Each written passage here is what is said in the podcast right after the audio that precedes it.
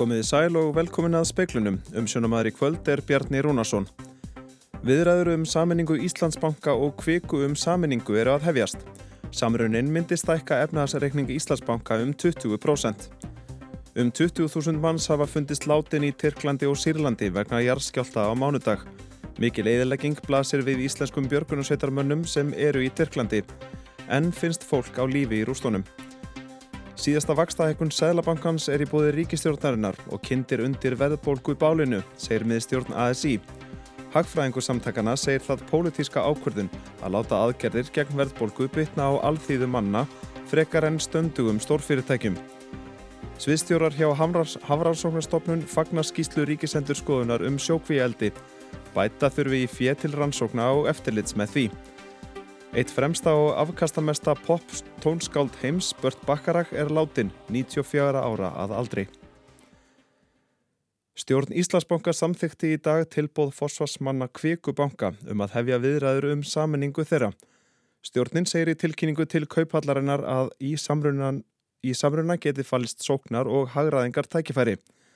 Þessa geti viðskiptavinnir notið í breyðara vöruframbóði, aukinni þjónustu og lagri kostnaði. Stjórnin segir að efnahagsreikningur Íslandsbanka stækki um 20% ef af saminningunni verður. Auk þess sem tryggingarekstur kviku auki fjölbreytni í tekju grunni félagsins. Sigurður Hannesson, stjórnarformaður kviku, er hingað komin.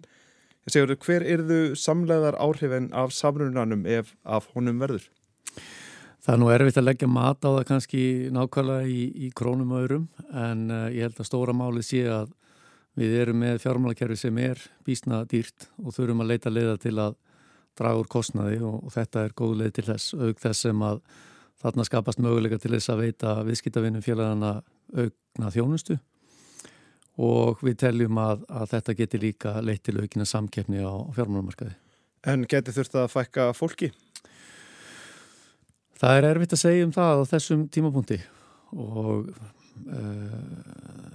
við vitum að það eru möguleika til hagraðingar en við vitum það líka að það eru möguleika til sóknar. Mm -hmm. En hvaða aðtöðasendur geti samkjöfniseftilitið haft við þennan samruna ef að honum verður? Samkjöfniseftilitið mun á nefa skoða þetta mál af kostkefni, gömgefilega og uh, fara yfir, yfir það, örgulega markað fyrir markað, hvernig, hvernig það lítur út. Uh, við leggjum mikla áherslu á góð uh, samskipti við samkjömseftilitið og raunar alla eftirlitsaðala. Þannig að við erum samfarðum að við munum finna lausnir til þess að komast í mark. Mm -hmm. En hverju breytir þetta svona í fjármála umhverfi landsins? Er, er, þetta, er þetta orðin það stór, þór, ef að þessa saminningu verður er hann orðin það stór þessi saminnaði banki að, að þetta breyti eitthvað svona jafnvægin á markanum? Sko það sem getur gerst uh, er að fjármögnun og kostnaður lækki og starra félag með breyðari tekjugrunn hefur möguleika á því að abla fjármaks með hagstæðri hætti og við sjáum til dæmis fyrstu viðbröð frá Moody's sem eru jákvæð og á þessum nótum. Það eru mjög góðar fréttir fyrir almenning og atvinnlíf á Íslandi vegna þess að allir myndi þá njóta hagstæðri kjara. Mm -hmm. um, bara einf einföld spurning var þetta íllir nöðsinn? Nei, svo sannlega ekki og uh, bæði félug standa sterk og kvikaðu þetta um, er með nægt eigi fjö uh, umfram eigi fjö og raunar eru þannig að, að sko, svo eigi fjá krafa sem að fjármála eftir liti setur kviku er svo lægsta af böngunum sem þýðir að að eh, rekstur er talin vera tröstastur af, af viðskiptaböngunum. Mm -hmm. Takk fyrir þetta Sigurður Hannesson, takk fyrir komuna í speilin. Og við myndum okkur í annað. Björgunarsveitir starfa í kappi við tíman við að bjarga þeim sem enn liggja undir rústum eftir járskjálta í Tyrklandi og Sýrlandi. Um 20.000 döðsvöld hafa verið staðfest. Recep Tayyip Erdogan fórsetið Tyrkland segir að rúmlega 16.000 manns hafi dáið í Tyrklandi. Þar hafði gísluðsust um 64.000 manns í skjáltunum þar í landi. Í Sýrlandi er talið að rúmlega 3.000 manns hafi látist. Aðbúnaður á hamfarasvæðinum er víða slæmur og aðgengi að skjóli, vatni og ramagni takmarkaður Alþjóða heilbreyðistofnunin hefur líst yfir áhegjum vegna þessa og hvað til skjótra viðbræða. Björgunar aðgerðir í Sýrlandi hafa gengið hægt og víða á svæðum þar sem uppresna menn ráða ríkjum barst engin utankomandi aðstóði í nokkra sólaringa. Fyrstu björgunarsveitir saminuðu þjóðana komu til norðvesturluta landsins í dag og Antonio Gutierrez, aðalritari saminuðu þjóðana, hefur lofað frekari aðstóð. Aðgerðir Tyrkneskra stjórnvalda hafa einni verið gaggrindar.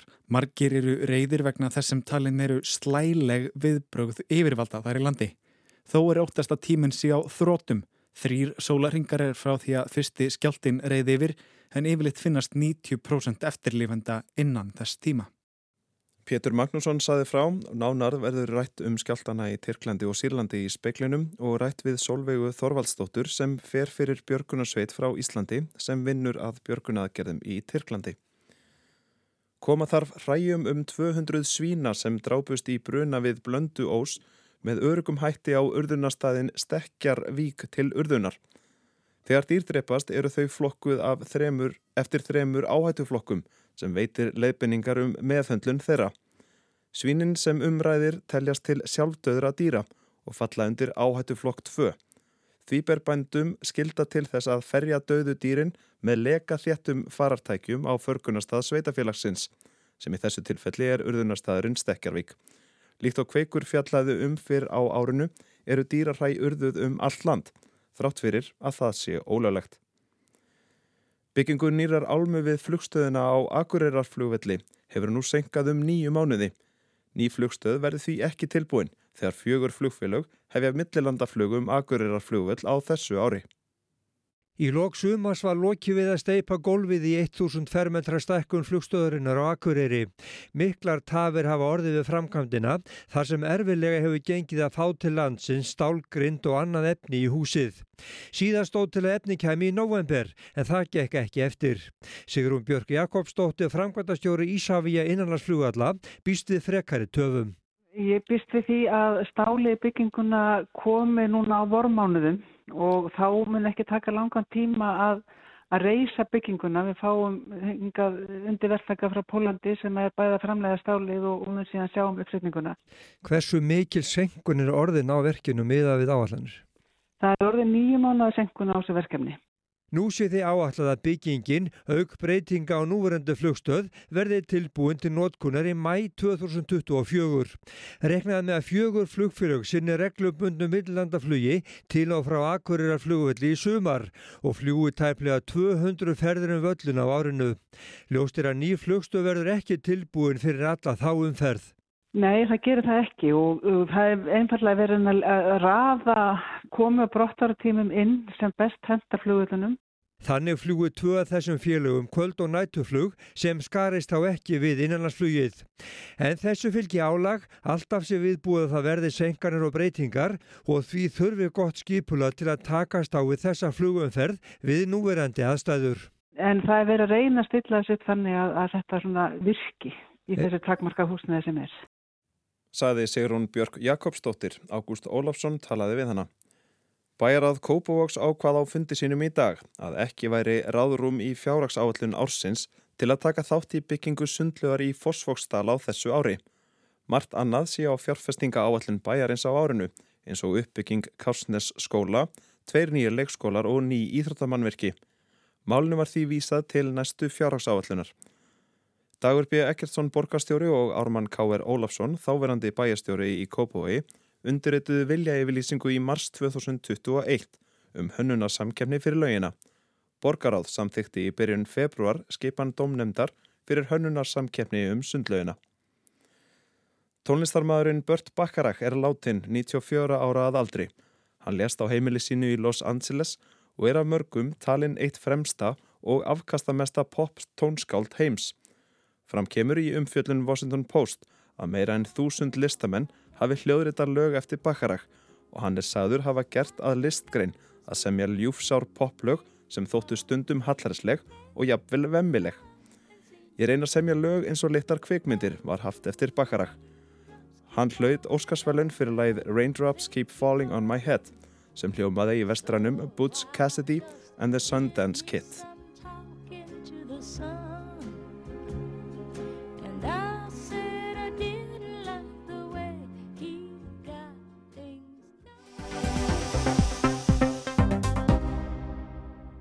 Þúsundir hafa látist vegna jarðskjálta í Tyrklandi á mánudaginn, en fleiri töpuðu öllu sínu. Björgunastarf stendur yfir og er hvergi næri lokið. Fjöldi hjálparsamtaka sendi liðsöka til landsins í þeirri von að bjarga fólki úr rústum húsa sem hrundu. Meðal þeirra er nýjumanna hópur frá Íslandi sem vinnur að samhafingu aðgerða. Þau lögða af stað fyrir vikunni og eru nú komin til Hatay Expo. Solveig Þorvaldsdóttir fer fyrir hópnum. Við skulum heyra lýsingu hennar á störfum hópsins. Verkefnið í dag snýrist um að koma inn í það sem við kallum UCC eða það sem er samhæfingastjórnstöðin fyrir alþjóða rústabörgunarsveitir og þetta næri yfir allar sveitirnar sem eru í, allar rústarsveitirnar sem eru í, í Tyrklandi. Og sérst, hefja vinnu uh, með, með þessu samhæfingastöð og um, var þetta svo nefna nokkuð dæmi um það sem við, við höfum verið að gera í dag að það er fyrir utan þessa stöð sem við verum í núna þá erum við með nokkrar svona undirstöðvar til þess að, að hjálpa okkur að samhæfa. Og það þurfti að sýta svolítið vinnu í að auka tengslinn betur við þær stöðvar og gefa þeim ákveðin fyrirmæli. Og það er eitt af því sem við Íslendinga tókum að okkur að, að að laga svolítið og auka uh, tengslinn þar og hérna síðan var þurft að taka á við verkefni varðandi flutning. Byrnáttu skipla ekki bílaflota og við unnum í því. Síðan er heilmikið verkefni varðandi uh, hugbúnaðin sem við notum. Uh, það er ákveði kerfi sem er notað uh, til að sapna upplýsingum til að forgangsraða. En í þessu tilfelli þá er svo mikið af fólki sem er þurft að bjarga sem að bara þegar sveitirnar voru að fara á, á milli húsa í, götu þá bara heyrðu þau í fólki. Þannig að það þurfti rauninni ekkert að forgansvæða þeir bara fóru í næstu hús og næstu hús og næstu hús og næstu hús. Og þetta hafði svona ákveðin áhrif á þennan hugbúnað. Þannig að þetta kannski langt mál að útskýra en, en þetta er svona verkefni sem við höfum þurft að og erum enn að takast á við hvernig við ætlum að En eru, en eru líkur á að finna fólk á lífi að tvína? Já sko það er ennþá verið að, til dæmis einn sveit fann fimm lifandi í dag. Þannig það er ennþá verið að finna fullt af lifandi fólki. Auðvitað dvínar er þetta með hverjum degi en það er ennþá þannig að það er bara, það er mikið að gera að, að finna lifandi fólk. Saði Solveig Þorvaldsdóttir.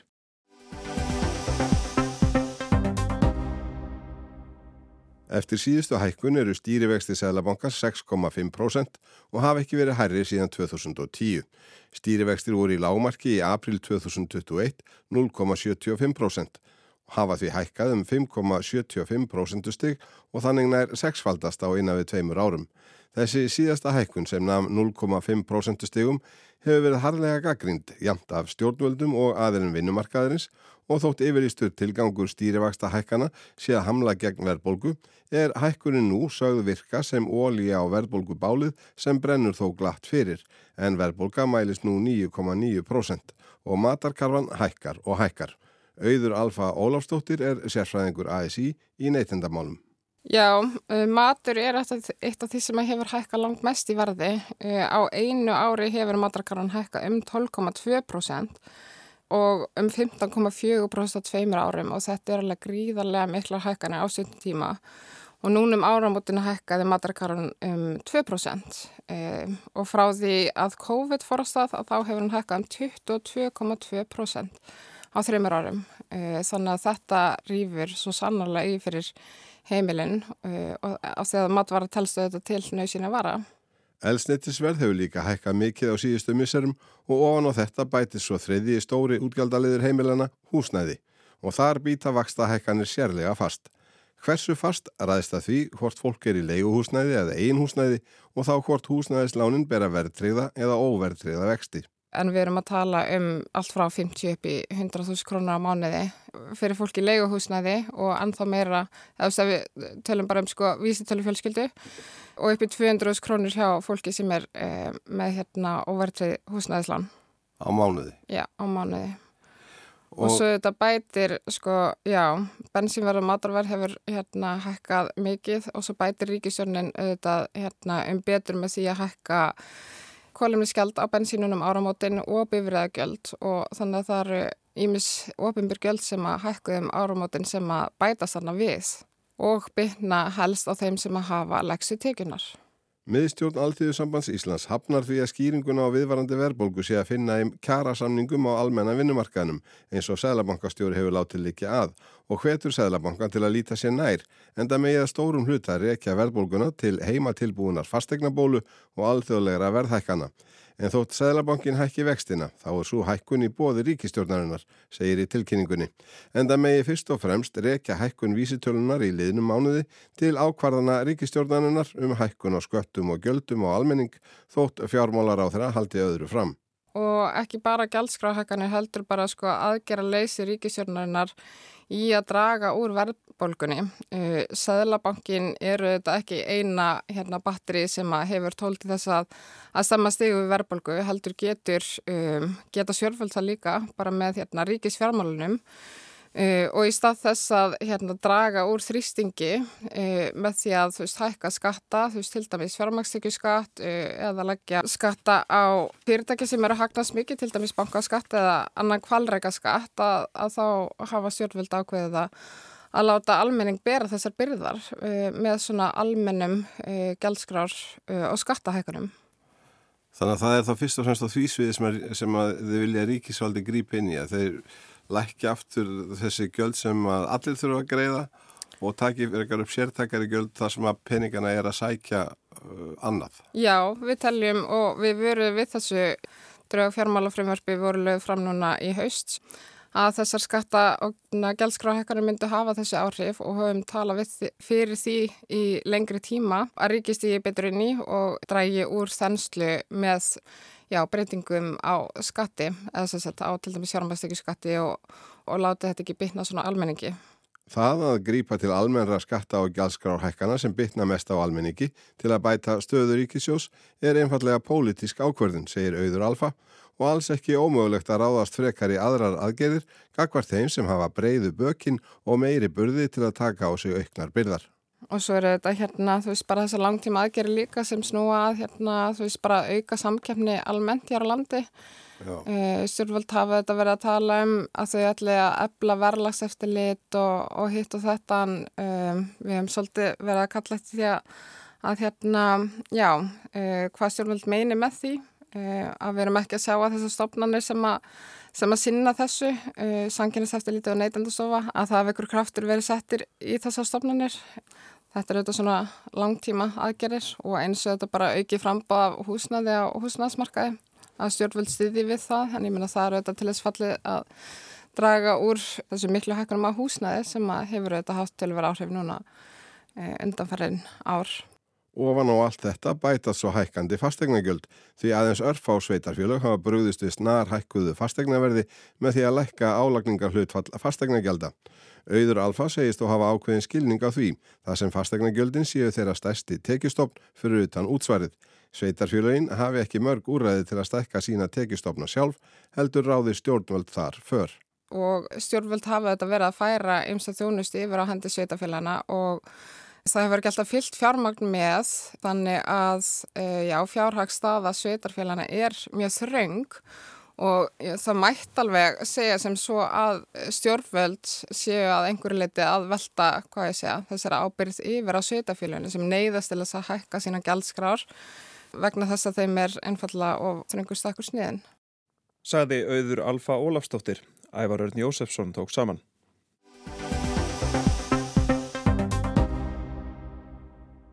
Ríkisendurskoðun fer hörðum orðum um stjórnsýslu, eftirlit og umsjón með sjókvíaeldi hér á landi í skýrslu sem gefin var út í vekunni. Gaggríni hefur komið úr ymsum áttum, bæði frá veiðifjölugum, siðfræðingum, náttúruvendarsamtökum og fleirum og er hún yfirleitt á þá lund að stjórnkerfið sé veikburða og jafnvel að pólitísk spilling hafi sett marksitt á greinina. Landvend og landsamband veiðifjölega hafa kallað eftir að sjókvíaeldi verði hægt án tafar. Ég rætti við Guðna Guðbergsson, sviðstjóra Ferskvass og eldisviðs Hafrannsóknarstofnunar og Hrönn Egilstóttur, sviðstjóra umhverfisviðs Hafrannsóknarstofnunar. Ég held að þetta sé bara jákvægt skref í átt að eh, betra umhverfi í kringum sjókvíaldi á Íslandi. Ég, mér heyrist það nú að það sé flestir og, og það er meðal fólk inn á stofnunum en einnig fólki á matvælaráðundinu sem er, tekur bara mjög jákvætt í þessa skýslu og jáfnvel hef ég heyrt bara jákvæð viðbröð hjá hagsmunnaðalum sjálfum. Ég held að við getum bara tekið undir þau jákvæðu viðbröð sem hafa verið að, að, og vona bara að þetta leði til góðra breytinga til hins betra til framtíðar litið. Haldið þetta hrind ykkur um breytingum í afstað? Það er náttúrulega aðri sem eru e, e, e, yfir okkur settir sem að koma til með að ákveða það en mér heyrist allavega á því hvernig umræðan er núna að, að það, menn, menn hafa allavega góðan vilja til þess að, að gera breytingar í, í ákveða átt. Það sem snýrað Hárasunarstofnuna, það er sett út á það að aðferðir hafrá við áhættum að erðablöndunar eru saðar óljósar og notkun stuðla til að reikna út hlutfall, framlegslu og lífmassa verði að byggja á örugum upplýsingum úr fiskeldi hér á landi. Þetta hljómar svolítið rugglinslega. Getið útskipt aðeins hvað fælst í þessu áhættumatið?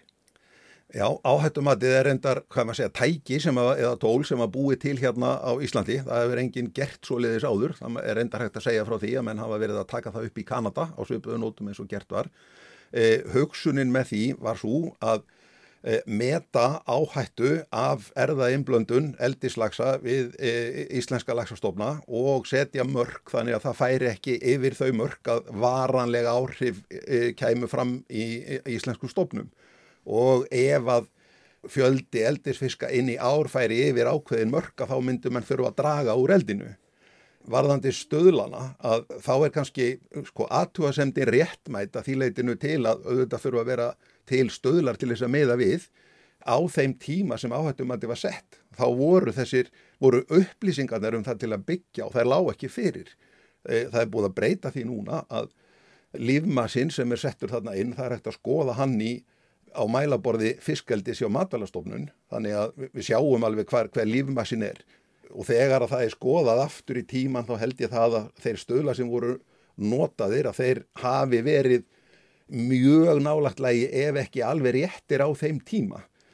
En það er alltaf hægt að vera í sjálfu sér vitur eftir ef það gaggrína eftir á en bara upplýsingarnar sem að þurfti að byggja á þær, þær lág ekki fyrir en best hefði verið í staðin fyrir það að horfa á, á lífmassa að vita sko, fjölda fiska bara upp á fisk en því meður að þá líka svo leiðstölur ekki fyrir. Rann veiðifjölög og náttúruvendasamtök þau hafa lengi haft áhyggjur af erðablöndun viltar lagsastofna við eldislags Eru þær áhyggjur, eru þær réttmöndar? Ég held að það sé bara vissilega við þurfum alltaf að hugsa um sko lífræðanlega fjörbyttileika sem við erum í landinu og til dæmis lífræðanlega fjörbyttileika lagsastoppsins og, og auðvitað eigum við að hafa áhyggjur af þessu. Og við eigum að tryggja það að, að, að öll, öll starfsæmi eins og sjókveldi sé eins sjálfbara hægt er og, og auðvitað eigum við að reyna að vernda náttúrulega stopna meðal lagsastofnin. Mm -hmm. Nú er þetta atverðingur sem hefur vaksið mjög hratt bara á senstu átta árum hefur, hefur sko framleyslan tífaldast Hvernig hefur þetta gengið? Hvernig hefur gengið að halda böndum á því að lagsin slepp ekki?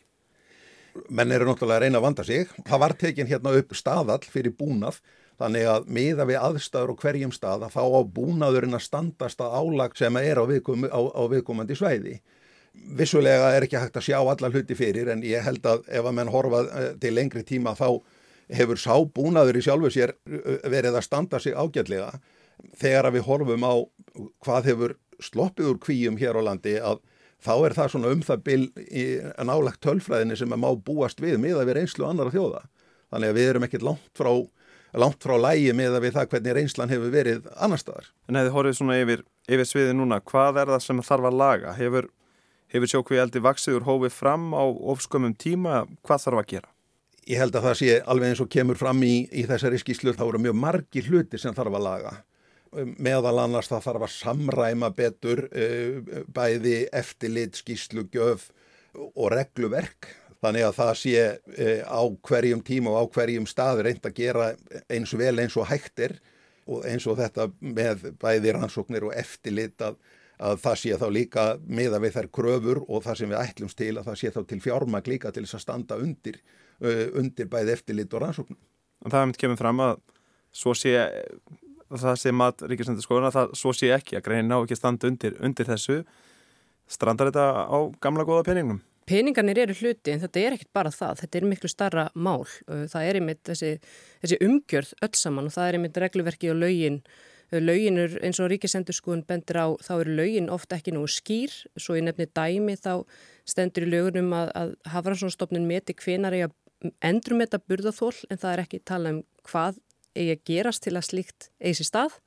Þannig að það er mjög óskipt, þannig að stopnarnir þurfa svolítið að finna út úr því oft hvernig á að vinna með ákveðina þætti og, og það má skýra ímislegt til að stopnarnir hafi betri vopni í höndunum til að sína sínu hlutverki. Peningar vissulega, það þarf fólk inn í þennan bransa, það þarf fólk að vera til staðar með þá þekkingu ákveðna sérhæða þekkingu og það þarf að haldi þá þekkingu innan stopnuna eins og Ríkisendi skoðun bendir á þá er þekkingin að þessum máluflokk innan stopnan umhverfisins mjög brótækt, það eru fáir einstaklingar sem að er að sinna þessum máluflokkum og þeir þurfa auðvitað að hlaupa mjög hratt því að, að þetta eru stór og erfið mál og oft tíma fyrir ekki úrvinnslu. Það sem ég erst einna hérna, best að sjá út úr þessar skýslu það er ákveðin hérna, gaggrinni á fjármögnunar umhverfið þá á það til dæmis sérstaklega við, ef við horfum til Hafrúsnarstofnunar, þá burðathólsmat og umhverfisáhrif sjókvjöldis.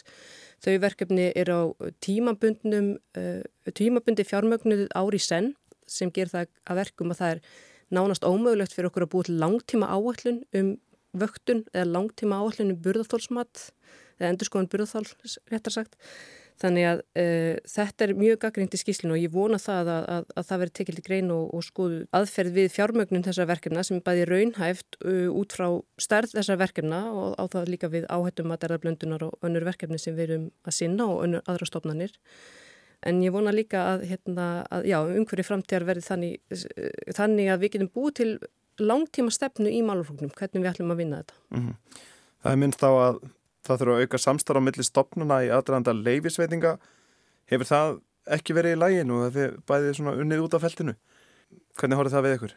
Ég held að það hefur náttúrulega verið samstarf en e, þegar að e, hlutir er að gerast mjög hratt, það var eins og Hrönn segir, menn þurfa að vinna hratt en það er líka að hafa fólk þá með bæði þekking og reynslu og, og þegar að eldið var að byggjast upp að þá voru, voru menn í kapplaupi með að ná sér í leifi þannig að það var mikil pressa og, og eins er það að, að þegar að þið erið að meta eins og umhverfis áhrif sem að menn eru að leggja, að leggja fram í umhverfismat skýslum eh, að, þá var ekki, voru ekki komið reynsla hér á landi var það rétt sem að menn voru að leggja fram eða stangaðist á. Þannig að Þannig að það vantaði líka þekkingu bara inn til þess að, að, að meta áhrifin á á hverjum tíma.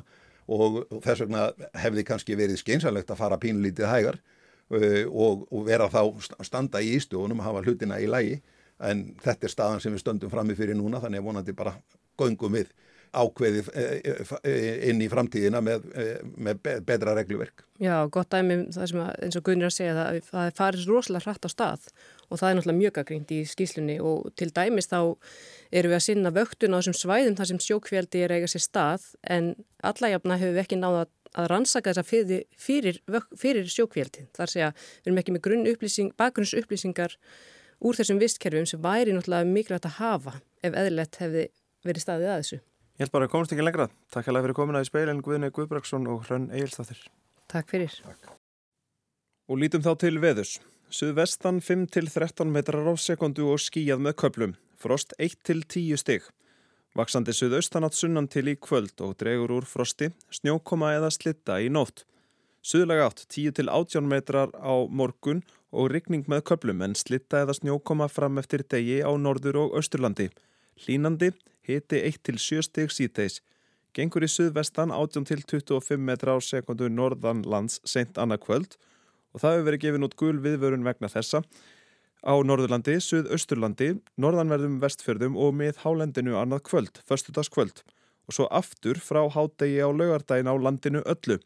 Spáðir sunnan og suðvestan kvassvið eða stormi 18 til 25 metrum á sekundu, kvassast í vindstrengjum við fjöll um norðanvert landið. Skúrir eða síðar í jél en úrkomi lítið norðaustan til. Því víða takmarka skegni í skafræningi eða jéljum. Samgöngutrublanir eru líklegar og hætt við fóktjóni. Það er ekki fleira í speiklunum í kvöld. Tæknimaður var Mark Eldredd, frett átsendingu stjórnaði Valgerður Þorsteinsdóttir. Njóti kvöldsins og verðið sæl.